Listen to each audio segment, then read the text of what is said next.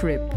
Hallo allemaal en welkom bij Roadtrip, de podcast op de digitale snelweg van Autofans, waarbij we elke twee weken een afrit nemen om te gaan sightseeën in het automobiele landschap. Ik ben Wim van Autofans en bij mij zit de herbronnen en frisgewassen Yves Wouters. En als een godheid stil aanwezig, maar hangend in de cloud en dus omnipresent en ons elke keer weer een stemgevend techniekgod Sven. Hallo, hallo, goedemiddag. Oh, het, het, het was te vroeg zelfs. Ongelooflijk. Wim, voor je verder gaat met jouw intro, Ja. die waarschijnlijk nog een minuutje of vijf gaat duren, Mhm. ehm, uit de laatste podcast die ik gezien heb met de, de, de Scott, hè, onze De- vrienden, De Ehm, Scott, inderdaad. de, de, de one and only Scott, ehm, jullie zaten zo'n beetje rug tegen rug. Omdat het, hè, je zit altijd op een andere plaats, hè. En het was zo gemonteerd dat je rug tegen rug... Dus misschien moeten we eens afspreken naar welke hoek dat we gedraaid staan. Dat we zo... Wacht, maar zien wij naar elkaar in de, in de juiste richting of zien wij elkaar gespiegeld? Want ik zie mezelf gespiegeld, hè? Geen idee. Goh, Hoe, hoe zie je dat? ja, nee, Staat uw linker Ja. naar rechts? nee mijn, mijn Allee, boeken op de achtergrond staan in spiegelbeeld. Dus als ik mijn... Link... Nee, het wordt raar, Yves. Ik ga gewoon voort met mijn intro anders. Wat denkt je? Ehm techniekgod, techniekgod Sven monteert dat wel, dat we mooi naar elkaar toe kijken. Ah, En Misschien moeten we ook naar de studio praten, naar elkaar. Komt dat in orde? Oké, eh, ga zeker verder met jouw mooie intro, Wim. Wel, want deze week geen gast in roadtrip, want we, we gooien het roer voortaan weer een klein beetje om, om het onszelf iets makkelijker te maken om gasten te strikken en de gasten zelf tijd te geven om tijd voor ons vrij te maken, wisselen we vanaf nu elke aflevering af tussen een redactiepodcast, zoals vandaag, en een podcast met een gast. Dus Yves, we gaan nog eens ouderwets ouwe hoeren over alles wat met auto's te maken heeft. Dat- Wat denk je? Ja, de, de lullen op persreis. Hè? Dat was ooit Lullen- de werktitel van een, dat project klopt. dat wij hadden. Ja, Een van de talloze projecten op de dat exact- montagetafel van Autofans. Ik denk dat daar ooit één video wel van verschenen is met de Porsche Cayenne. Klopt, Wij samen in één auto, lullend, lullend over die wagen in kwestie, toen jij nog voor een ander medium werkte. Een niet dat nader genoemd Oh, medium. waar Dat, waren dat die rijmt op broem. Groen, Voilà, inderdaad. de kl- Ja. Goed. Als het trouwens een klein beetje vreemd klinkt, beste luisteraars, er zit een klein beetje vertraging op de lijn tussen Yves en mezelf. Dus af en toe horen wij elkaar gewoon door elkaar. En dat is een beetje verwarrend voor iedereen. Dus dat moet ons maar heel even vergeven. Maar Yves, ehm, ik heb deze week met de betaalbaarste EV van het moment gereden. Geloof het of niet? De. De. Eh, de betaalbaar. Is dat die eh, van 5000 euro dat in China gemaakt wordt? De Daikong Kingo 35 V? Of Was het maar waar, het was de RS-versie daarvan. Nee, het is niet waar. Het is, ook wel, het is ook wel gebaseerd op een auto die in China verkocht wordt, maar het is de Dacia Spring. En die is op zijn beurt inderdaad gebaseerd op, als ik het goed heb, de Renault City KZE. En dat is dan weer de Renault Kwid van India en Latijns-Amerika. Maar dus bij ons verkocht als Dacia. eh, en voor 17.000 euro de betaalbaarste elektrische auto van dit moment. En ik moet eerlijk zijn, ik ben er nog altijd over aan het nadenken. En het gebeurt niet vaak dat ik drie, vier dagen geleden met een auto gereden heb, er al twee rijtests over heb geschreven, één voor ons, één voor eh, Autoscout, en er nog altijd over zit na te denken. Ja, ik, ik heb het wat moeilijk met die wagen. ehm, in die zin dat Dacia het marketeert als de goedkoopste elektrische auto. En niet de goedkoopste nieuwe elektrische auto. Want tweedehands vind je wel elektrische auto's die goedkoper zijn. En ik denk dat de, de Dacia Spring een heel mooie case is waarom dat veel automerken hun handjes ver hebben weggehouden van betaalbare EV's Mhm. omdat dit, moet ik het zeggen? Je moet zoveel restricties implementeren. Je moet de accu klein houden, je moet zorgen dat je op die prijs kunt blijven besparen. En hoe doe je dat? Door minder kwaliteit of hè, bepaalde dingen wat terug op rijcomfort, op, op isolatie, op afwerking, op snufjes. Mhm. Ehm, en het resultaat is dat je een auto krijgt die... Allee, het zou mij verbazen dat er ooit een... Nu, ik zal het zo zeggen, dat er nu een IV op de markt zou verschijnen voor 17.000 euro met een rijbereik van 400, 500 euro. Dat is gewoon financieel onmogelijk. Dus wat blijft er over? Ja. Een elektrische auto waar je niet ver mee geraakt, die Mhm. niet zo geweldig afgewerkt is, waardoor die auto de facto afvalt in een leasingverhaal. Want geen ene leasingrijder wil met zoiets rondrijden. Ehm, Ja, nu, het is, het is wel zo dat Dacia ook heel bewust, zeggen ze zelf, ehm, niet op leasingrijders mikt. Ze mikken echt specifiek op particuliere kopers. Voor, eh, als ik mij de PowerPoint nog mooi voor de geest kan halen, 85% en 15% deelautosystemen. mhm. Maar Dus dan- dan auto is er ook specifiek het- op gericht om, om gedeeld te worden en om dus ja, heel Hm. budget slash onderhoudsvriendelijk ehm, ja, kilometers te maken. Maar dan komen we wel tot op het punt dat je de particulier 17.000 euro vraagt voor een auto met de nodige beperkingen. Mhm. Ehm, voor dat geld kun je sowieso bij Dacia een full option Logan of Duster kun je ook wel met wat opties denk ik krijgen daarvoor. Veel meer auto, ik zal het zo zeggen. Mhm. Klassieke wagen, als in met verbrandingsmotor. Ehm, en daarnaast, als je per se elektrisch wil rijden, vind je Mhm. voor 17.000 euro ook al wel Nissan Leafs en zo is op de tweedehandsmarkt.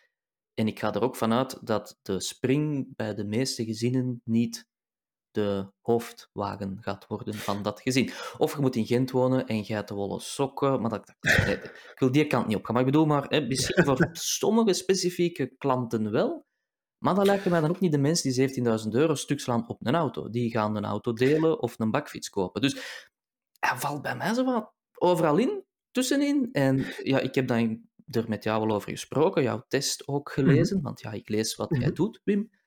En ik merk ook dat daar zo wat... Wat ik doe. Ja, maar ik merk ook dat daar zo wat... Een, een twijfel, je voelt dat er iets niet juist aan zit, merk ik. Ah, wel, het, het ding is vooral, denk ik, op voorhand werd dat inderdaad aangekondigd als ah, Dacia gaat zich wagen aan een elektrische auto en Dacia heeft een reputatie van als zij zich aan iets wagen, gaat dat het betaalbaarste worden en gaat dat, zoals ze het zelf noemen, dat wordt een disruptor. Dus die gaan de markt Mhm. overhoop gooien met iets dat veel lager in prijs is, maar wel dezelfde kwaliteit biedt of dezelfde ruimte biedt enzovoort. Maar bij mij een beetje, waar het bij mij een beetje wringt, is dat het uiteindelijk maar, en ik zet maar heel bewust tussen aanhalingstekens, een A-segmenter is geworden.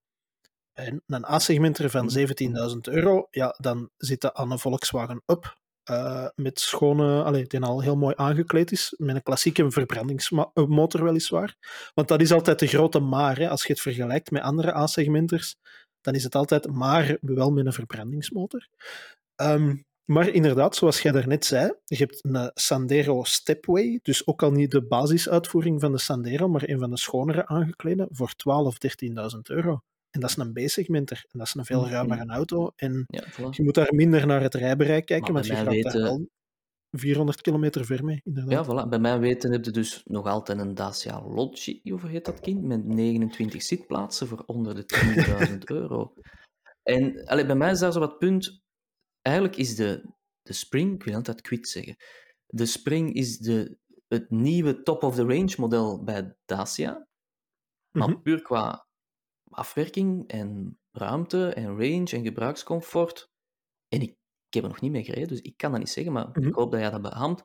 Kan dat niet typen aan een Dacia Duster? Nee, klopt, Dus- absoluut. Ja, dan is de vraag, wat, wat doet dit in uw, uw line-up? Op welke manier verhoudt zich dat tegenover de rest? Want dat is de kleinste auto van het merk, Mhm. wat eigenlijk het duurste is in basisprijs. Mhm. Daar toevallig wel mee de goedkoopste auto is, allee, de goedkoopste EV, nieuwe EV op de markt. Ja, dat, ik, heb, ik heb daar moeilijk mee. Op alle vlakken. Ik, ik heb heel lang ook gedacht van, het probleem is dat er in bijvoorbeeld Duitsland zoveel ehm, kortingen van de overheid gegeven worden, dat die minder dan 10.000 Mhm. euro kost. Ja. Dat wordt interessant. Maar Ja, dan heb je een ander verhaal natuurlijk. Hè. ja, maar zelfs als we dat in België zouden doen, dan zou die auto, het bestaansrecht van die auto zou gebaseerd zijn op de overheid geeft daar korting. Ja. Wat eigenlijk ons geld is, hè, Wim? Dat is onze belastingsgeld, dat niemand aan mee koopt. Dus ja, Ja, Het ik denk dat het vooral eigenlijk nog maar eens aantoont dat zelfs een disruptor als Dacia er niet in slaagt om de EV op de prijs of op het prijsniveau te krijgen wat het grote publiek als betaalbaar beschouwt. Want voor Ja. een A-segmenter is 17.000 euro veel geld. Van een B-segmenter is Voilà. 17.000 euro perfect aanvaardbaar. Maar dan, ja, opnieuw, dan zitten met een ander formaat van auto. Ik denk dat ook mensen willen 17.000 euro betalen voor een Polo. Of, of die Mhm. afmeting, hè, een Ford Fiesta. Ja, Polo. absoluut. Peugeot Maar voor een 208, klein koekendoosje eh, wordt dat moeilijk. En bij mij is dit vooral het Hmm. bewijs dat de huidige economie en, en de huidige ehm, status van de elektrische auto in, in de ontwikkeling van de tijdslijn waar het nu zit, ik bedoel, het bestaat al 100 jaar, maar het heeft serieus een boost gehad, ehm, dat kleine elektrische auto's nog altijd niet levensvatbaar zijn. En dat bedoel ik mee betaalbare kleine elektrische auto's. Hè. Ik bedoel, een elektrische Fiat 500, ja, een Peugeot E208, ja, maar dat zijn allemaal auto's van dik in de 20.000 euro, dan wel niet 30.000 Richting 30 euro. zelfs, inderdaad. Ja, ja Maar absoluut. een betaalbare elektrische auto, het bestaat, spijtig genoeg, nog altijd niet. Afhankelijk van wat Mhm. je als mens betaalbaar percipeert, natuurlijk. Ja, Ehm, ja. Ik blijf erbij en ik ben fan. Hè. Ik bedoel, heel deze show wordt ook gesponsord door MG. Als het maar waar. Ehm, voor mij was de Bart. Hendricks, als je dit hoort, laat het ons weten. Het zal godverdomme handig zijn, want het is krabben, ze man. Ehm, voor mij was de ZS-EV, die we ook uitvoerig getest hebben, hè, op vraag van Mhm. MG, om, om, ja, dat dat mij intrigeerde, die auto. Mhm. De eerste EV die zo... Je hebt de lijn betaalbaarheid, gebruiksgemak, comfort, range, weet ik wat, zo'n Ja. beetje in het midden benaderde. Zo. Dat was de eerste auto waar je zegt van, voor die prijs klopt dat plaatje. Biedt hij Mhm. wat dat hem kan bieden. Hè. Dat is een, een rechtstreekse rivaal van een Nissan Qashqai, zonder buiten kofferruimte misschien een beetje, dat je heel veel moet inboeten. En ik heb het gevoel dat zo'n Seat Mii Electric of Citigo of e-up Mhm. en ook nu deze Renault Dacia Spring, ik blijf Renault Kwik zeggen, heel kleine auto's zijn voor heel veel geld. Ja. Nu ja, ja. Het is mijn, mijn. Ehm, ja, nee. Ik, ik denk dat je absoluut een punt hebt. Ik ben nu, met dat je de Seat Mii en de e-up en de Citigo e-iV aanhaalt, die volgens mij alle drie trouwens verdwenen zijn, want ik ben ze niet meer tegengekomen op de website van, van de respectievelijke automerken. Ehm, maar daar had ik wel het gevoel bij dat je nog een beetje meer auto kreeg voor je geld dan bij de Spring. Ook al, ja, dat zijn natuurlijk een beetje grotere auto's. En vooral, want dat gaan dan de meeste mensen zeggen die dit horen, dat zijn duurdere auto's. Een Mi Electric is 2.000, 23.000 euro. Ja, dat is 6.000 euro verschil met een, met een Spring. Dus het verschil zit natuurlijk ergens. groter dan zo'n Kwik? Ehm, nee.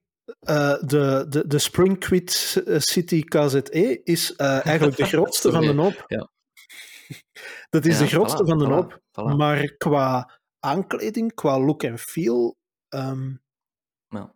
is dat wel de goedkoopste, als ik het dan zo mag noemen.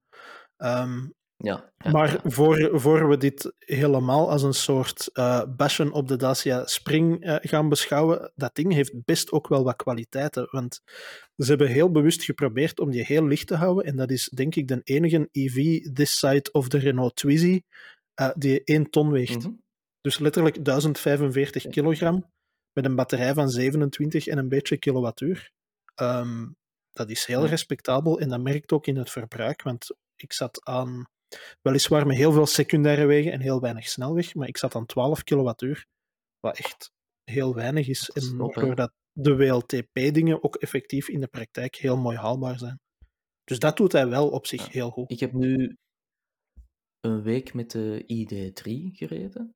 Mhm. De, dus de Volkswagen ID3, de Pro S. Geen idee, die naamgeving. Ik volg het allemaal. Dat zijn er veel. Ehm, Even, allee, als ik u daar even mag onderbreken, maar Ja, die, die uitvoeringen, Dat ik krijg daar kop nog staart aan.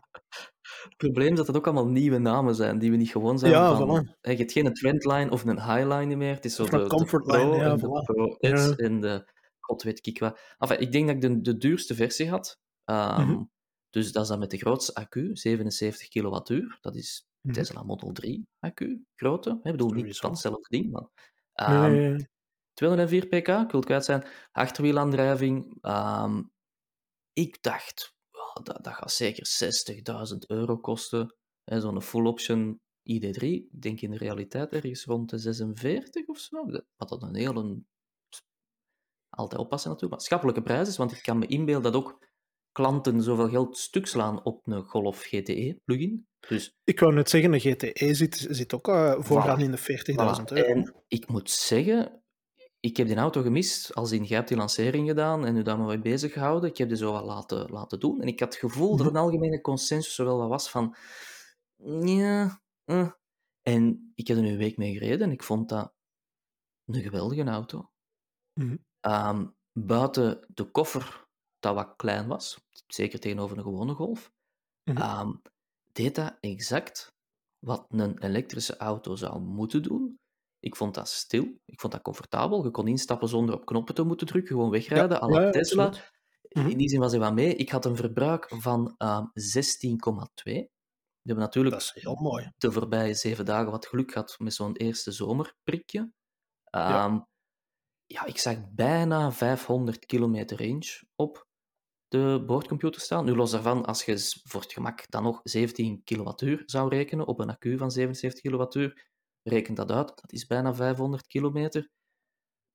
Ja, Mhm. ik snap perfect, als je in leasing ooit een Golf moet inwisselen voor iets elektrisch, dat het dat is. Want dat is letterlijk wat dat Volkswagen van plan was. Als in de opvolger van de Golf maken dat even saai is als een Golf. En ik vind dat een ID3 daar perfect in in slaagt. En als je dat zo benadert, vind ik dat een, een hele goede EV. Vind ik dat heel knap. Chapeau, Volkswagen. Ook al wordt er zo wat dwaas over gedaan en we hebben lang moeten wachten. En, Goh, ja, weet je waarom dat ze er vooral dwaas over doen, denk ik? nee, Is omdat Volkswagen het in de markt zet als het derde scharniermodel na de kever en na de golf. En als je op voorhand die verwachting schept, ja, dan denk ik dat het grote publiek een soort. Ik wil het woord echt niet gebruiken, hè, maar een soort Tesla-killer verwacht had. Van ja. ja. een merk klopt. met zoveel ervaring en zoveel traditie en zoveel middelen vooral. Want ja, Volkswagen zit, betaalt heel veel boetes, maar zit ook op een waanzinnige berg geld. Die zullen wel, Mhm. als ze zich daarop toespitsen, een heel vooruitstrevende EV kunnen lanceren. En het is een hele goede EV, absoluut, maar het is niet de revolutie die dat ik op voorhand verwacht had. Ik heb het gevoel dat de, en je ziet dat steeds meer, hè, dat de marketing en de ingenieurs niet on the same page zaten. Mhm. Ik vind dat een, een hele goede EV, een heel doordachte ook. Ehm, allee, je hebt hem zelf ook tegen de Nissan Leaf gezet. Ik vind puur Ja. al die draaicirkel, dat Ja, is ja, waanzinnig, zo'n ID3, hoe gemakkelijk dat dat om zijn as kan draaien. Niet tijdens het rijden, maar tijdens bochten nemen, bedoel gewoon. Hè. De stuurhoek is gigantisch groot.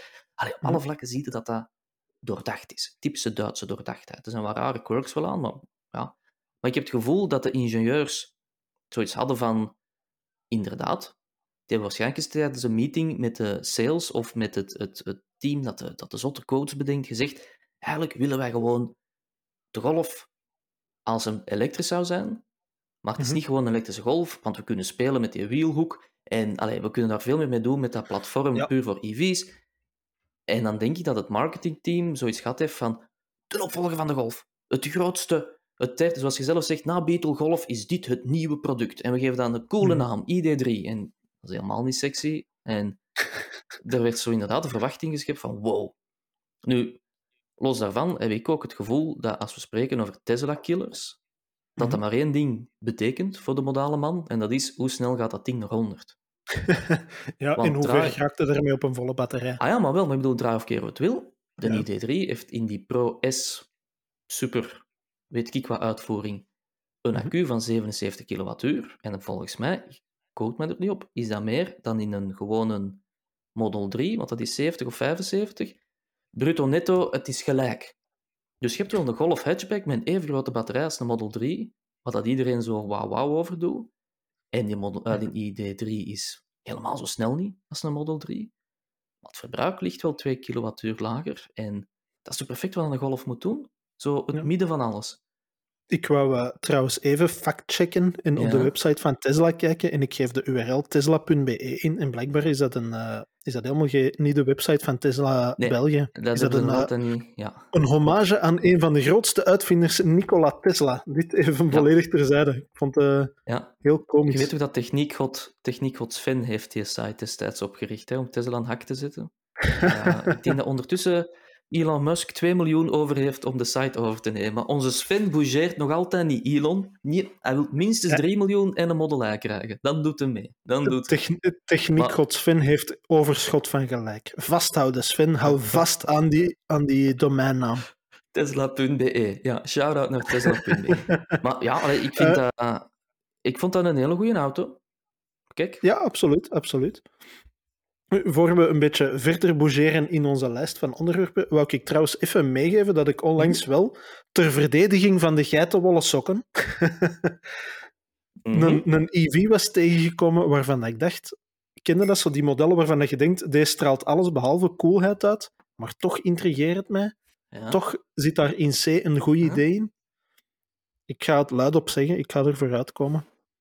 De elektrische Citroën Berlingo. There, I said it. En dat, dat, dat doet u iets. Ah, wel, niet in, het, in, in, in de vorm zoals dat ze hem nu hebben ontwikkeld, maar stel dat je misschien nog een beetje een grotere batterij had, nog een beetje meer rijbereik, dat ik dacht van, god ja, als je nu kinderen hebt en je zegt, ik wil Een elektrisch beetje een rijden, aangepaste carrosserie. als dat er wat meer uitzegt, eigenlijk- zoals een Tesla een- of een Taycan, hè?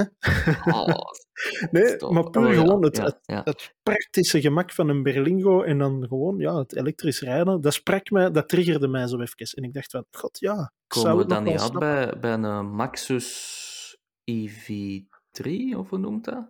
Zijn die er ook in, in passagiers? Maxus.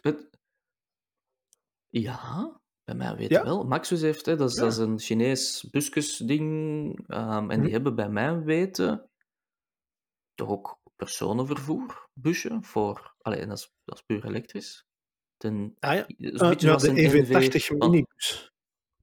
Ah, voilà, want, want Nissan heeft dat ook hè, met de I- EV, NV, NVE 300, 200. Zo, het, het kabinetje Ah, ja, van de- Nissan is er ja. ook. Dus, Ja. Het bestaat al, Wim. Het bestaat al. Allee, als ja, in absoluut. busje met grotere batterij. Hè. Ah, Ja, maar dan dacht ik van zo, die Berlingo heeft zo dat, dat, dat dakkerek waar dat je zo van alle spullen in kunt steken. Van achter heeft hij nog schuifjes en heeft keiveel opbergen dingen. Dat is waar. Nu, over, over ben- die... Nu dat we toch dat, dat, dat, dat blik geopend hebben van de Berlingo's. Op de, de, nieuwe, de nieuwe Renault Kangoo. Mhm. Ferm Ah, die, wel, ik- man. Ja, ik heb alleen de foto nog maar zien passeren en dan dacht ik van, ah ja, dat is juist. De Kangoo was er ook nog altijd. Ja, Maar, dat is een ik weet hoe ja. knap ding geworden. En, en ik snap Mhm. niet hoe dat de marketing, of hoe dat ingenieurs dat goedgekeurd hebben, of de marketing. Dus je hebt de Renault Kangoo busjesversie, Mhm. en die heeft dus een open B-stijl. Dus als je de schuifdeur Juist. open doet aan de passagierskant en de gewone deur, is dat één Mhm. open gat. Hè? Dat is zo geen stijl niet meer Ja. tussen beide.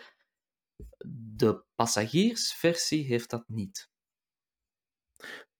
Dat is een beetje jammer. Dat zal hoogstwaarschijnlijk te maken hebben met crashveiligheid natuurlijk. Want Ja, ja, als daar ja. pakketjes in zitten of mensen, het heeft wel een impact uiteraard. Hè, als daar dan een, een dikke, Ja. dikke buis tussen zit dat alles tegenhoudt. Maar toch, Ja. allee, gemiste kans. Zo de, de Renault Kangoo zonder. B-stijl. Waar dat, ja, dat je kunt... Ja, want ik zag is- helemaal zitten voor een fietsen in te B-Max laden. eigenlijk. Ideaal. Ja, want dat is er toch ooit geweest? De Ford B-Max heeft dat toch wel gehad? En ik heb geen idee hoe dat hij het op de Euro N-cap gedaan heeft, maar ik kan me Dus niet inbeelden dat dat toch ook wel zo slecht was als een... hebben. Nee, voilà. Voilà, ik kan me niet beelden dat zoals een, een nieuwe Lancia Y in brand vliegt tijdens een crashtest. Wat gebeurd is, voor de goede orde. Maar ja, wat was het nu weer? 1 of 0 sterren op 5, met dan de bemerking erbij: car, car gets on fire during crash. Ik vond het wel goed, ik vond het wel goed. Dus ze hadden dat jaren niet meer gezien. Ze hadden de, de Lancia Y tegen, tegen de muur gegooid voor de crashtest en dat ding was ter plaatse binnenin gewoon in de fik gevlogen. Van, oei, wat moeten we nu Dan doen? weten dat Italianen toch nog altijd auto's kunnen bouwen zoals vroeger. Hè? Zo gevaarlijke En toen hebben ze auto's. gewoon een Volvo, een Volvo gepakt en die gewoon buiten geduwd met die Volvo. In de fik gewoon. Ik had daar nooit beelden van. Dat, dat zou zo mooi geweest zijn, maar goed. Er bestaan ook wel Dus, beelden van Volvo's in crashtests die niet echt heel optimaal zijn verlopen. Ja, dat, Ik weet niet of je die ooit gezien donkere hebt. pagina was het liever niet over Ja. hebben. Ja, daar, daar hebben ze het liever niet over. Hè. Toen het verkeerd ging, met niet enkel beelden van een crashtest dat fout ging, maar alle journalisten uitgenodigd. Dat is toch geweldig? En, en zoals gezegd, die beelden zijn zo mooi dat het autonome remsysteem van toen de S60, denk ik, of hoe noemt dat? S60, ja. S70? S- Nee, Denk het S60 wel, ja. toen het. Ja, Met 60. Ja. je ziet je auto gewoon niet remmen en pff, tegen zo... Ik denk dat ze een camion daar gezet hadden, een vrachtwagen. En zo even doodse stilte en dan gewoon dit. Iedereen met een camera. Zo. Dat is het enige geluid dat je nog hoorde. Oh, geweldig. Je kunt er zo, een- wat- zo wat Simpsons gewijs die video heel traag afspelen en dan zo zeggen dit is het moment waarop dat de presentator van het ding zijn hart breekt. Zo. Kleine en voor de luisteraars. En altijd, altijd terugspoelen. Ja, ja, voor de kenners, voor de kenners. Ehm, dus ja, om, om erop terug te komen, Wim, op wat we aan het vertellen waren, de Kia EV6 is een hele indrukwekkende auto. Klopt. Ja, voilà, absoluut. Ja, nee, daar word jij inderdaad behoorlijk van te spreken. Hè? Maar ehm, ik, heb, ik heb het maar heel Ja. vluchtig zien passeren. Dus vertel eens heel kort in Mhm. een paar kernwoorden over de Kia E EV6. Ja, de, de moment dat dit opgenomen wordt, is dat nieuws Twee drie, vier oud dagen ongeveer. oud, denk ik. Dus, hè, voilà, dus tegen dat het uitkomt, als deze video online komt, zal het al wat langer geleden zijn. Dus misschien is er ondertussen al een, een No pressure techniek. Godswin. No Ah, pressure. Nu, wat, wat, wat dat ik geweldig vind aan de Kia Mhm. EV6, is dat, ja, die is op hetzelfde platform gebouwd als de eh, Hyundai, nee, sorry, Ioniq 5, hè, de Hyundai Ioniq 5. Mhm. Ik vond dat nu niet Ja. zo een indrukwekkende auto, ik weet het niet goed. Ik ging er ook vanuit dat de Kia gewoon hetzelfde ging zijn, maar dan een beetje anders. Ik vind een, ja, ik weet niet, ik vind een EV6 zo nog eens het bewijs dat de Zuid-Koreanen heel goed bezig zijn. En eigenlijk vooral Kia. Waarmee dat ik bedoel, ja, de Stinger, dat weet jij ook, Wim, dat is mijn, mijn koepvoeder. Daar, daar, daar heb ik een zwak voor. hè. ja, ik Ja. zou dat eigenlijk... Ja, ik zou dat zo graag willen hebben. Enfin, ehm, en die EV6, wat ik daar geweldig aan vind, is... Hè, dat is zo de, de Zuid-Koreaanse EV. En dan denkt je, oké, boeien, de volgende dat ermee start. Maar Mhm. vanuit een technologisch standpunt, en ik wil dat niet saai maken, die materie, is dat een extreem vooruitstrevende auto. Ehm, Ja. En het beste voorbeeld daarvan is dat toen Porsche de Taycan aan het ontwikkelen was, Mhm. denk ik dat die zes of zeven keer journalisten hebben laten samenkomen om het 800 volt boordnetwerk uit te leggen. En dit is de nieuwe revolutie. En je ziet toch maar weer de Duitsers, ze kunnen het toch. En ongelooflijk. En door dat systeem, dat zo'n dikke kabel dat door de auto loopt, kunnen wij opladen aan, wat is het, 300.000 kilowatt per uur. Ehm, en nu zo'n Kia, voor in de 40.000 euro, die zeggen, ah we kunnen dat ook, hè. En ik denk niet dat het echt op de basisversie is, want ze spreken wel van een 400 volt en een 800 volt boordnetwerk, dus je zult misschien Mhm. moeten bijbetalen of enkel op de hogere versies. Maar het, Ja, ik net idee- zeggen, je, hebt twee batterijgroottes ook. Hè? voilà, maar het idee dat zo... Ja, hoe moet ik dat zeggen? Dat Porsche meerdere presentaties gehouden heeft en zo van die workgroups en weet ik wat voor journalisten om een stukje technologie voor te stellen, waar ze heel fier op zijn. En dan heb je zo Kia dat Mhm. zegt van... eh, ja, 800 volt, we hebben dat ook zo. We hebben dat ook zo. Boeien. Eh, Ja. dat, is toch, dat is toch logisch? Hoe, kan er dat, en- hoe, hoe kunnen we dat nu En niet wij kunnen hebben? elektrische fietsen opladen en zo, by the Ja, way. hoe Ja, kunnen we dat nu niet hebben? Nee, niet alleen dat, je kunt ook gewoon andere Ja. EV's opladen met een EV6. Nog een stap verder, je kunt ook gewoon uw huis daarmee van stroom voorzien. En ik weet dat ik Ah, een jaar geleden nog bij ons op de redactie, uh, maar ook nog wat andere bedrijven Mhm. hè, soms aanwezig zijn, gezegd heb van, er gaat nog een moment in tijd komen dat leasingrijders een EV hebben, die ze opladen op het werk, Mhm. en dan die Mhm. elektriek gebruiken om hun huisavonds te voorzien van energie. Dus als ze op tijd thuis moeten zijn voor familie of thuis, zodat ze kunnen kijken. Mhm. Ik wou zeggen moeder en vrouw, maar dat klinkt zo denigrerend, want er zijn ook mannen die naar thuis en familie kijken. Iedereen maakt fouten. Ehm, ja, dat gaat even zo'n een, een moment zijn dat bedrijven gaan moeten beginnen zeggen tegen hun werknemers niet onze energie gebruiken om uw huis te voorzien van Ja. elektriciteit. En dat was lang zo'n ding van, ja, maar dat, dat gaat even draai je wasmachine op uw eigen. Voilà. Ja, voilà. En dat was altijd zo'n moment van, ah, maar dat Ja. zal nog wel zo snel niet zijn. Maar nu heb je de EV6 dat dat kan. Je hebt de nieuwe Marvel R van Mhm. MG dat dat kan. De MG5 kan dat ook. Ehm, dus plots, als je maar een groot stopcontact naar je zekeringskast voorziet, kun je een EV s'avonds inpluggen in je huis. Niet om de EV op te laden, maar gewoon om je wasmachine te draaien. Mhm. En als je dan ergens kunt gaan laden op je werk, het gaat niet lang duren of dat er zakelijke rijders zijn, of, of toch zeker in de leasing, die dat, die dat spelletje door gaan hebben. Hè. Want ik bedoel, Nou ja, op een dat. accu van 77 kilowattuur, als je dat oplaadt op je werk, vol, je gaat naar huis om de avond nog te Mhm. voorzien van stroom, dat is zo rond de 6, 7 kilowattuur dat je dan verbruikt. En dan, dan is dat eigenlijk al veel, want ik denk op een dag verbruikt zo'n 10, 12 kilowattuur, volgens mij, het gemiddelde gezien. Cijfers die ik Mhm. ruwweg, hè. Dat gaat niet opvallen. Want een elektrische auto heeft 18 tot 20 kilowattuur nodig om 100 kilometer te rijden. Dus 6, Ja. A7 kilowattuur van een EV is letterlijk 30 kilometer. Dus dat jij tegen uw baas zegt Ja. van, ik ben nog even naar ons moe gereden en terug, die in Duffel woont, perfect te verklaren. Dus hoe dat, dat ooit geregeld gaat worden, ik weet het niet. Maar ik vind dat extreem interessant en ik pleit hier nu ook, zeker omdat Techniek Sven hier nu ook Mhm. aanwezig is, om eh, dringend laadpalen te voorzien op de autofansparking. Voor niet nader genoemde redenen. ik vind dat een heel lucratief concept. Dat ik kan opladen en dan s'avonds gewoon ergens... Ik kan gewoon heel de buurt dan inpluggen. Ik vind dat... Ik vind dat maar ik bedoel, maar, dat hebben we dus nu ook op de Kia. Hè? De- dan En is de de familie Wouters de energiecentrale van Klein Heist. Zo. Ja. Maar dat hebben we dus nu op een Kia. Dat hebben we ook op producten van MG, een Chinese merkje, dat nu terug naar hier Mhm. komt met een, een, een, ik wou een Italiaanse naam, maar een Britse naam. Ja, alleen dan denk ik, Ja. zoals dat je wel zelf zegt, Duitsland. Waar, waar, zijn we, waar blijven we? Kom aan, kom aan. Auf, aan. aufwachen. Ja. Ja, ja. Ik bedoel, ID3, goede auto, hè. Taycan, toffe auto, Ja, hè, maar... Ja. Ja, en vooral ook, je zei het er straks heel even, hè, eh, maar ja, Kia en Hyundai zijn ook al langer ermee bezig en staan ook al langer behoorlijk ver. Want dat waren ook Mhm. de eerste merken die met een EV kwamen, waar dat zo'n beetje de, de, de psychologische grens van de 400 kilometer rijbereik die dat zij haalden. Hè. Met een, e-Niro ja. en een, een elektrische eh Kona zeker.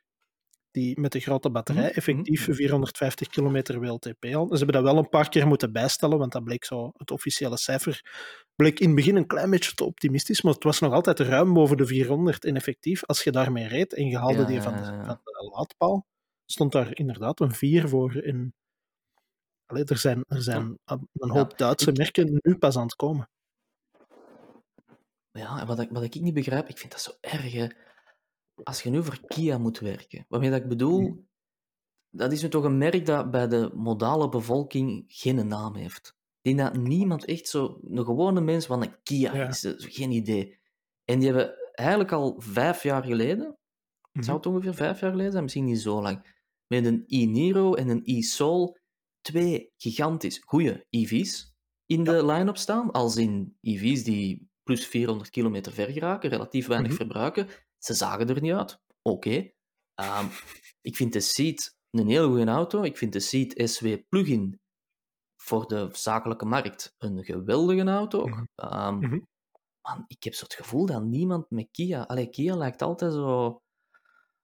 Ik weet zelfs niet wat ik moet zeggen. Ik denk dat de gewone mensen nooit... Zo van, noem tien automerken op dat Kia daar gewoon nooit bij staat voor de meeste. Ja. En ik, ik vind dat gek. Want als je Mhm. dat van... Oh, ik zou zo'n gemene dingen kunnen zeggen over andere automerken, maar ik ga het niet doen. Ik ben een betere mens geworden. Ik wil maar zeggen, als er nu één merk is dat bij mij verdient Mhm. om meer aandacht, of toch al alleszins een, een, een, ja, dat mensen daar zo wat beter over denken, of weet ik is dat echt wel Kia. Want ik bedoel, die hebben de- een geweldige stinger, wat de beste sedan voor mij is dat je nog steeds nieuw kunt kopen. Die hebben Mhm. een hele hoop goede elektrische auto's. Die hebben heel goed betaalbare hatchbacks, die niet slechter rijden dan een Golf of een, een Leon of weet ik wat. Mhm. Over de, de Rio's en zo, en de Picanto's, daar zwijgen we nog wel over. En de Sorrento's en de Sportages. Is, ik vond de, de, de Stonic vond ik eigenlijk in zekere zin wel een heel. Ja, ik snap dat veel mensen dat vinden, maar ik vond dat in zekere zin een heel. Allee, dat, was, dat blonk in niks uit, maar ik vond dat wel een aangename auto. Maar je hebt veel van die auto's, die zijn zo door de band genomen goed, niet Mhm. schitterend, maar goed. Maar die zijn op geen enkel vlak slecht. Dus die, die, dat zijn zo de Ja. 7 op 10 auto's. Zo. En Ja. je, je ik doet mag daar niks mis over oordelen. Over de Stonic, omdat dat de, de presentatie van de Stonic, ik weet dus niet hoeveel jaar geleden, Mhm. in Duitsland. Dus allee, het was echt wel dat Kia geen moeite wou doen voor die auto. Ehm, Was is het voor op hun hoofdzetel in Frankfurt? Of, eh, Nee, het was nog ergens echt Ja. in the middle of nowhere der, der, der, dan dat. Ehm, is voor mij echt het breekpunt geweest dat ik terug ben gekomen en op de redactie bij ons, want toen, toen waren jij er nog niet, denk ik, klopt. gezegd heb van, ik doe het niet meer. Crossovers, ik doe ze niet meer. Ik, de- er is geen levensvreugde uit die dingen te halen. En als zelfs de presentaties, of, of als het merk al de moeite niet meer doet om de presentatie wat aan te kleden, want dat was letterlijk naar daar vliegen, overnachten, s ochtends in een auto stappen ergens naartoe rijden. Die hadden zelfs niet stof. Te... Die hadden nog niet eens een hyperlink aan die auto te vinden. Dat was echt gewoon van... ik, ik dacht echt dat de baseline tijdens de presentatie ook was... The new Kia Stonic. It exists. Ik denk dat dat echt de baseline ook was. Van, oké, kijk. Wat dat zonde was, want aan zich... ehm, Mhm. nee, dat is niet waar. Ik wou zeggen, is dat wel een schone auto, maar dan heb ik het over de Exceed.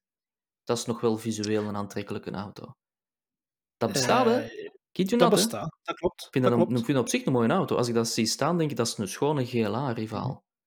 Wilde dat Ja. kopen allemaal? Nee. Maar ja, de Stonic was bij mij zo het breekpunt. Dus ik, ik vind er, Kia, nogmaals, ik ben niet boos voor de Stonic. want met de Ik ben Stinger... teleurgesteld. Nee, nee, nee, nee, nee. Maar ik bedoel, met de Stinger en de Seat en dan nu die EV6 maakte heel goede producten. Ik heb gewoon het gevoel Mhm. dat je zo wat weg moet blijven van zo het laagste segment en het hoogste segment van Kia. Zo, zo ken, ik, vind, ik vind hun SUV's niet zo geweldig. En, Mhm. maar ik zeg blijkbaar ook altijd SUV's en niet SUV, SUV's. SUV's of SUV's. Ik zeg altijd zo SUV's. En dat. Ah, de Ja, Sportage en de Sorrento en ik denk dat er Mhm. boven niks meer staat. Nee. En de, de Picanto's en de Rio's. Nee. Maar ja, daartussen. Alles, alles rond de seat is Ja, eigenlijk... dus ik wil nu eigenlijk een warme oproep doen naar Kia. Allee, kom aan, mannetjes. Zorg eens dat je wat meer in de, in, in de spotlight komt. Ja. En ik Over ehm, warme oproepen gesproken. Mhm. Ik wil heel graag een warme oproep doen naar het eh, merk Cupra. Om toch nog eens goed na te denken over hun merkidentiteit. Ik ben nu voor de tweede week op rij met een Cupra aan het rijden. De eerste was de, Mhm. Cu- de Cupra Formentor. Ehm, wat op zich in die 310 pk-versie heel aangenaam. Zo'n typisch Volkswagen-product met 300 pk. Dus zo niet overdreven spannend, maar wel heel capabel, heel efficiënt, heel krachtig. Al wat je wilt. Binnenkort vijfcilinder, nog cooler, want wie maakt er nog vijfcilinders, behalve de Volkswagen-groep. Ehm, maar nu hebben ze dus ook een Cupra Formentor met een 1.5 van 150 pk. Waardoor dus heel het uitgangspunt van Cupra, als in het sportieve dochtermerk van Seat met een eigen identiteit, ja, dat wordt daar wel wat door teniet gedaan. Want dat is, allee, in een gewone Seat is dat niet, de, ja, is dat een topmotor? Ik weet het eigenlijk niet. Ja, aan benzinekant misschien wel. De... Je hebt ook nog een, Maar- een, een driecilinder, een 1 liter driecilinder. Hè? Ja, ja, maar ik wil, ik wil zeggen van topmotor aan de benzinekant. Ja. Dan zit er aan een Ja, 1.5, ja, misschien nog ergens een verloren gelopen 2.0 TSI of zo. Maar heel dat Mhm. concept van Cupra wordt daardoor teniet gedaan. En dan ben ik gisteren in de Cupra Leon e-hybrid gestapt.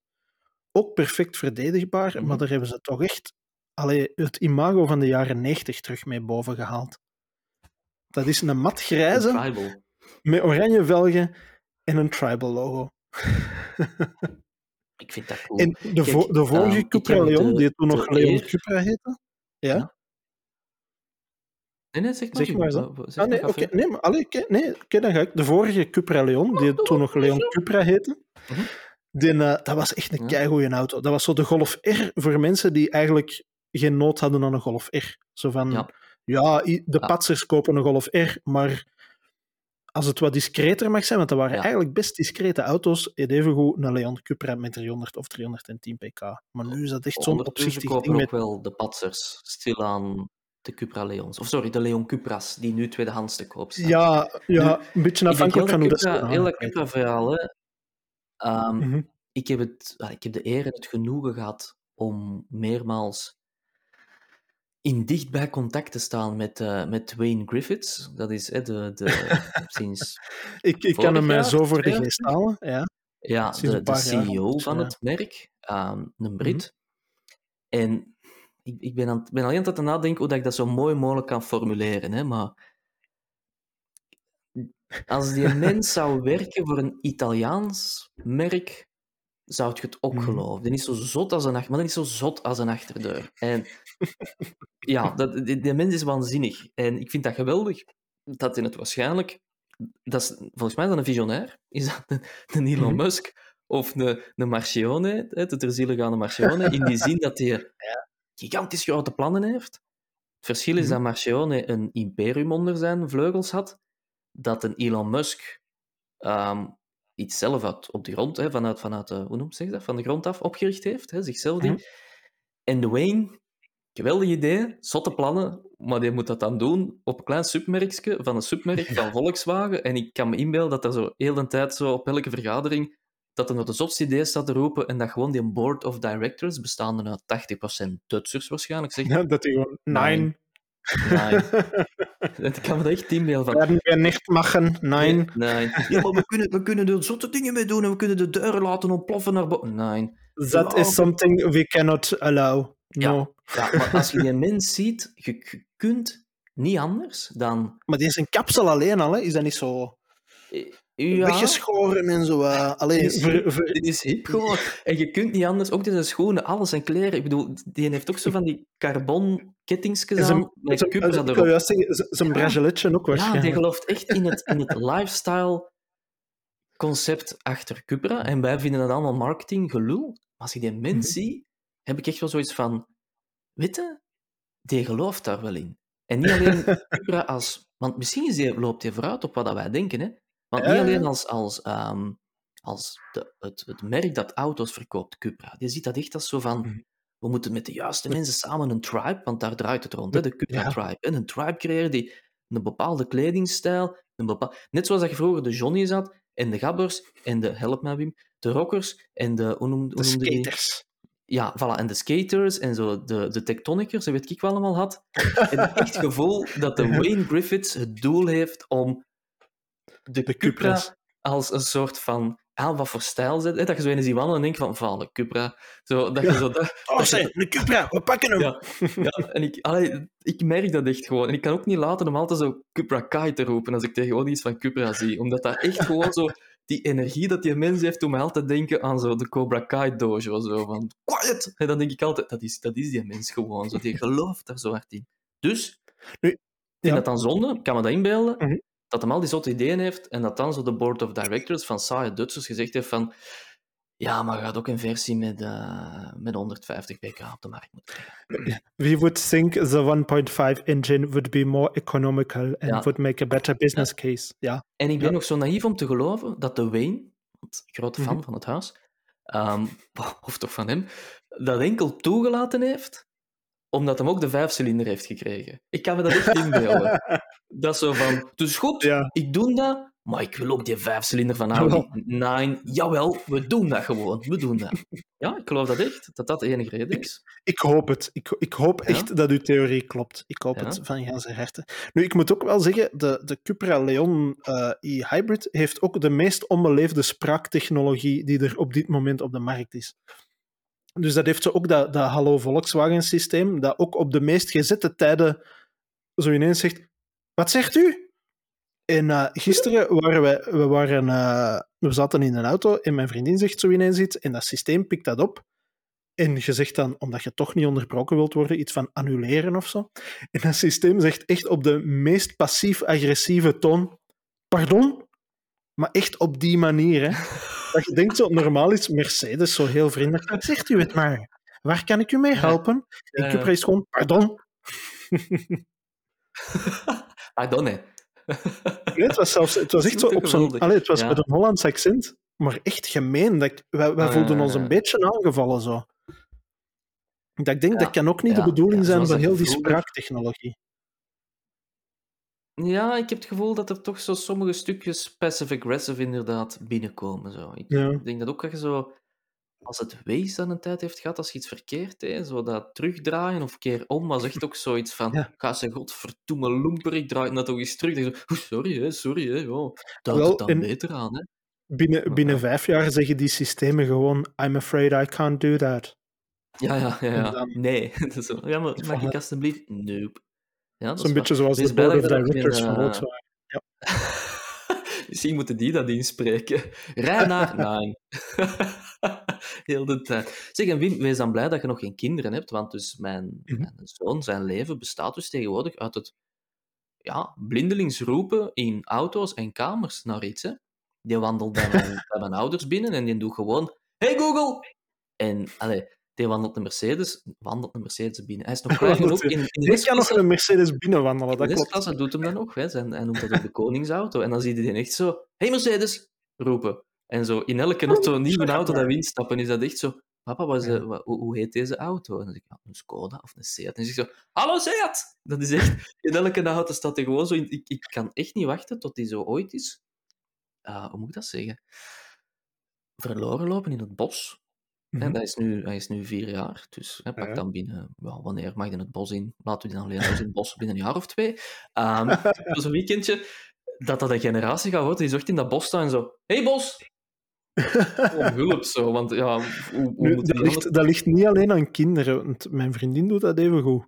Dat is, die stapt in een auto en Ja? vanaf dat hij doorheeft dat er zo'n systeem op zit, dan is het om zeep. Dus ik heb dat in de Cupra ook geprobeerd verborgen te houden. Maar dat systeem is zo opdringerig dat het dan toch ineens bij de meest... Want het codewoord is dan Ola Ola of zoiets waarschijnlijk. Dat is zoiets heel specifiek Mhm. bij Seat. Hè? Ja. Dus dat dat toch Ja, dat ineens iets heeft opgevangen wel dat in de verste verte niet trekt op Ola Ola, maar dat toch geïnterpreteerd wordt as such. En dan zie je Celine ogen zo oplichten van ja, het is, het is zo'n systeem, ik kan Oh, er eens mee juist. experimenteren. Dus Nu ja, dat je dat zegt, weet ik dat. Want de Alex en mijn zoon, als wij de Mhm. Leon hadden, die riep heel de tijd Ola Pola in de auto. En dan werd dat ook geactiveerd. Dus dat is, ja, nu herinner ik het mij. Maar het is wel tot op een punt, maar ik heb mijn draad hier bijna mee, dat je het dus eigenlijk niet meer weet. Hè? Want het is ook niet Hey Google, maar OK Google. oké, Google. Het is- ja, inderdaad. Hey Mercedes. Bij. Skoda, ik had dan laatst een Skoda Laura. mee, een Skoda. Ik, ik wist dus niet wat ik moest zeggen. Hè? Het is Laura bij Skoda, denk ik. Waarom dat, dat Dan Laura is dat weet ik niet. Zou dat iets dan met Laurin hey. en Clement te maken? Is Of? het hey of hallo of oké Ja. Laura of hi Laura? De- ze hebben allemaal zo'n eigen ding. Bij Mercedes, nee, sorry, bij BMW zou het ook kunnen. Ik weet dus niet wat je moet zeggen in die auto's. Het is eigenlijk zielig hè, dat je daarover zit na te Ja. denken van oei, wat moet ik gaan zeggen in die auto? Dat is zo, precies of je gaat een eerste date zo. Ik weet niet goed wat ik moet zeggen. Ik heb al klamme handjes. Dat is echt zo, oh nee, wat moet ik tegen die BMW gaan zeggen? Hallo BMW? Oh, dat antwoord niet, antwoord niet. Oh, spijtig. Nu, ik, moet wel, ik moet wel zeggen, ik vind dat waanzinnig interessant. Ik heb er van de zomer een video over gemaakt. Hè, over die, allee, vooral dan vanuit Mercedes-standpunt, die spraaktechnologie en hoe hard dat, dat aan het gaan is. Maar ik vind dat wel Hm. waanzinnig interessant om te volgen. Want daar wordt echt budget tegenaan gegooid. Daar wordt zoveel data mee vergaard ook. Want je geeft heel veel prijs over je dat eigen dat je dat is, systemen experimenteert. Ja. Hè. Dus voor adverteerders is dat ook Ja. allee, is dat een goudmijn. Maar er gebeurt ook waanzinnig veel op. Ik denk dat we Ehm, inderdaad niet mogen vergeten, of, of zo percipeer ik dat toch, Mhm. dat dat niet zozeer is om de mensen te helpen, deeltje wel.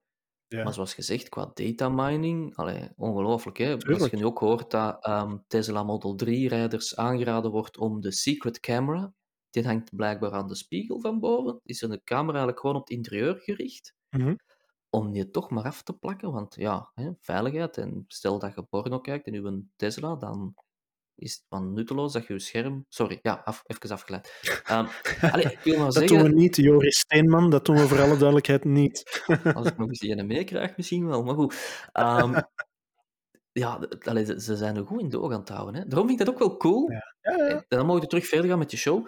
Ehm, bij de Mhm. ID3, als je met dat kind vertrekt, eigenlijk krijg je geen toegang tot het infotainmentsysteem, totdat jij zelf duidelijk aangeeft dat je tijdens deze rit online of offline wil rijden. Dat, dat privacy-logo, ook, Ja. zo dat klein pictogrammetje. Ja. Ja, en dan moet je dus kiezen dat je wilt dat Volkswagen uw data verzamelt tijdens die rit. Kan Mhm. ook handig zijn voor zo'n car-to-x-communicatie, dat Ja. nu nog niet echt werkt, want dan moet dan een andere ID3-chauffeur toevallig op de baan zijn dat een ongeluk heeft. Maar hè, we Mhm. komen er wel. Of dat je zegt van, nee, ik wil nu blindelings, zonder dat... Allee, blindelings. Ik wil dat mijn data, wat ik rij, hoe snel, niet doorgegeven wordt aan Volkswagen. En dan denk ik, toch weer die Duitsers, man. Die Ja. dat toch al wel die stap verder in zijn. Zo. En, Die verdampte Duitse. ja, Ja. ze denken er toch potverdorie over na. Nu, ehm, we gaan inderdaad zo stilaan richting het einde van de show. Maar voor we aan de defenestratie komen, want Yves, ik heb er speciaal voor u weer eens een defenestratie ingestoken.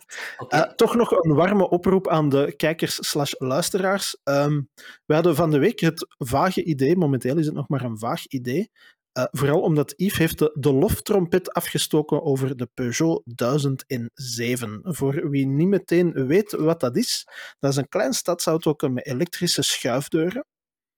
Dat is een driedeur zeker. Dus aan de zijkant één schuifdeur aan elke kant.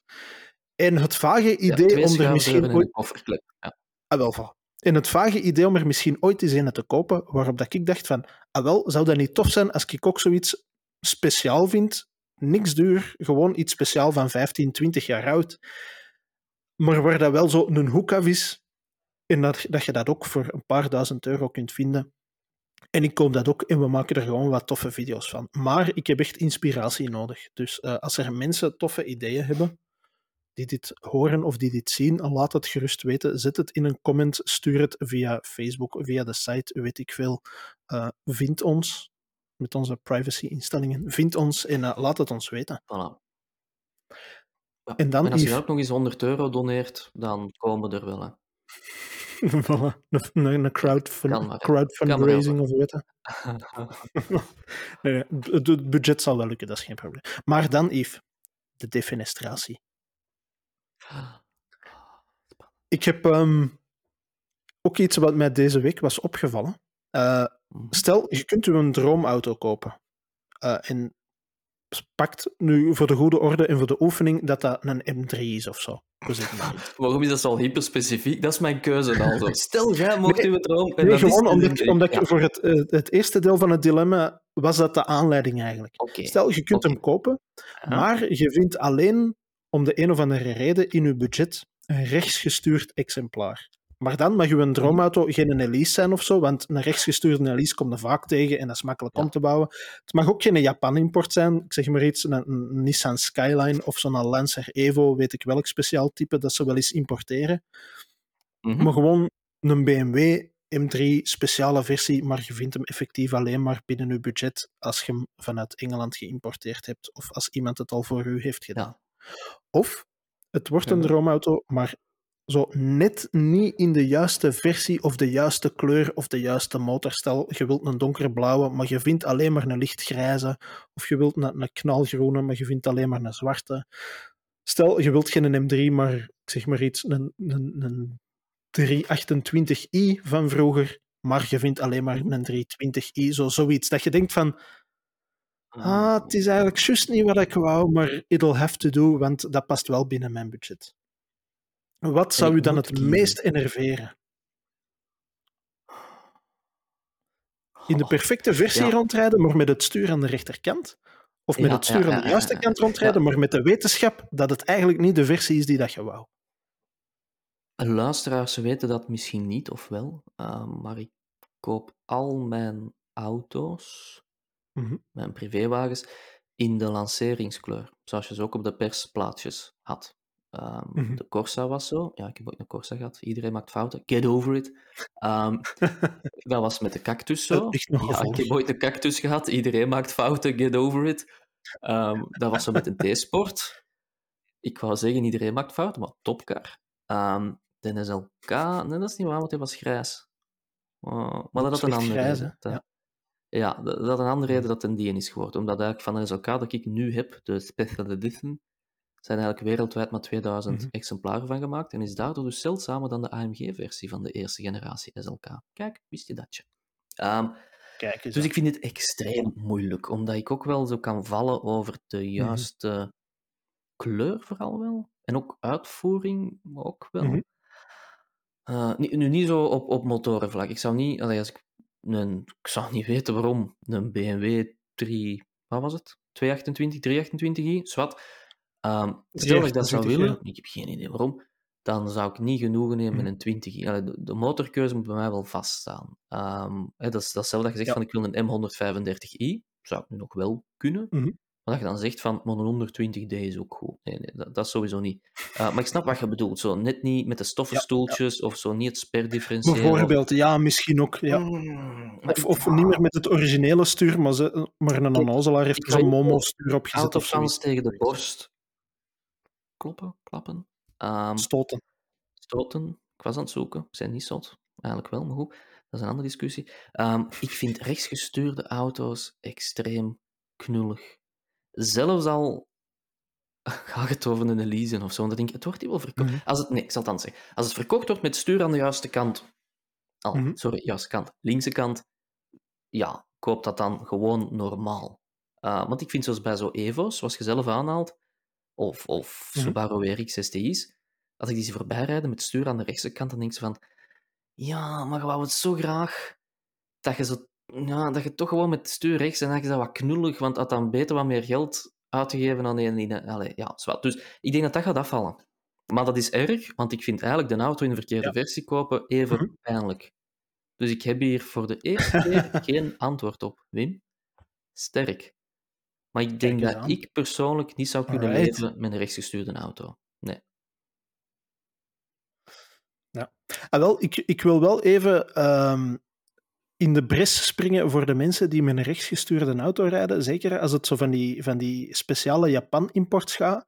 Jij denkt Mhm. dan misschien van, goh, dat is eigenlijk wel knullig, want ik denk dan altijd van, damn, je hebt wel moeite gedaan precies. Of je wordt wel heel dedicated om precies die auto te willen hebben. En dan denk ik wel van, oh, chapeau, goed gedaan. Ik vind dat Maar aan de andere kant- bestaat in een linksgestuurde variant. Dan vind ik het knullig. Als, in, als, als, het, als je het eigenlijk ook had kunnen kopen met stuur aan de linkse kant. Als Ja. je het hebt over de Nissan Skyline, of over zo een of ander Japanse een, K-car, zoals de Figaro. Mhm. De Nissan Mhm. Figaro, ik vind dat een geweldig zalig auto, ook, maar dat bestaat niet linksgestuurd. Dus ja, dan zal het wel rechtsgestuurd moeten zijn. Maar dat is ook een van de redenen waarom ik dan eigenlijk liever niet kopen aan het uitstellen ben. Ook al vind ik dat zo'n tof auto. Ehm, dus ik vind het tof dat je... Je hebt gelijk wat je zegt, hè. They went the extra en als je nu een Ja. rechtsgestuurde Nissan Figaro in, in de lanceringskleur tegenkomt, net binnen Zo uw dat, budget, dat, ehm, dat pastelblauw. Mm, ik ga hem met rap witte even googelen, want ik zeg niet maar iets, maar... eh, Nee, nee, dat is echt top. Dat is echt ah, heerlijk. dat, hè, ja, ja, Ehm, ja, dat appelblauw zeegroenachtig zo. Dat, hè. ja. Ja, Ja, oh. Ik ga een stap verder. Ik zie mezelf nog een... een maar het is niet meer te betalen, hè, maar stel, een, als je een Skyline, een R34 of een R33, daar zijn conversiekits voor om die linksgestuurd te maken. Ik zou dat dan nog doen. Maar ze zijn nu gewoon Ja. zoveel geld waard dat je allee, dat, dat niet meer mag, want hè, je Ja. je geld. Maar dan denk ik, tuurlijk, tuurlijk, tuurlijk. Zitten ze in raceauto's rechts? Vrij vaak eigenlijk, maar goed. Eh, enfin, dus ik heb er geen antwoord op, Wim. Het is echt moeten kiezen. wel. Letterlijk. Ja, het vond ze alle twee even erg. Ja, kiezen, daarvoor. kiezen is een beetje verliezen. In dit geval. Voilà. Mooi, mooi, mooi, mooi. Alright. Dan wou ik zeggen, we, dan kunnen we afronden op een hoogtepunt, maar dat is niet waar. Ik heb, ik heb nu een beetje het gevoel dat we aan het afronden zijn op een bummer, want je hebt geen knoop kunnen doorrekken, Yves. Jawel, we hebben besloten dat ehm, de EV6 van Kia een hele goede auto is. Dat de Spring Mhm. ook een goede auto is in zijn ding dat het moet zou genre. doen, maar dat er alternatieven zijn. Voilà. Dat er niet Mhm. is. Ik besluit vooral dat, dat wij ehm, stilaan het concept van elektrische auto's beginnen te omarmen. Daar ben ik het roerend mee eens. Wat roerend. Roerend. Ah. Ja, ik heb een tongpunt R, ik kan het niet. Hè. Ro- roerend. Dat is. Mooi. mooi. Nee. Sluit maar af voor je nog, nog, nog viezere Voilà. dingen gaat zeggen. Deze teen-rated Alright, podcast. nee, dan was dit. Dan was dit roadtrip voor deze week. Eh, volgende keer, dat is over eh, twee weken, zijn wij er weer. En dan hebben we een gast over de vloer. En als alles goed gaat, is dat eh, Geert van Nooyen. En Geert van Nooyen is de drijvende kracht achter de Fort Lommel Proving Ground. Dus dat is, dat is de man die er persoonlijk verantwoordelijk voor is dat een Ford rijdt zoals hij rijdt. En in de meeste gevallen is dat eigenlijk gewoon heel tof. Hè? Dus als alles goed gaat, want we zijn er volop mee bezig, maar het ziet er naar uit dat het gaat lukken, komt Geert van Nooyen hier over twee weken dus praten over Fort, over Lommel en over alles wat daar gebeurt en niet gebeurt. Bedankt voor het kijken, bedankt voor het luisteren en tot over twee weken. Tada!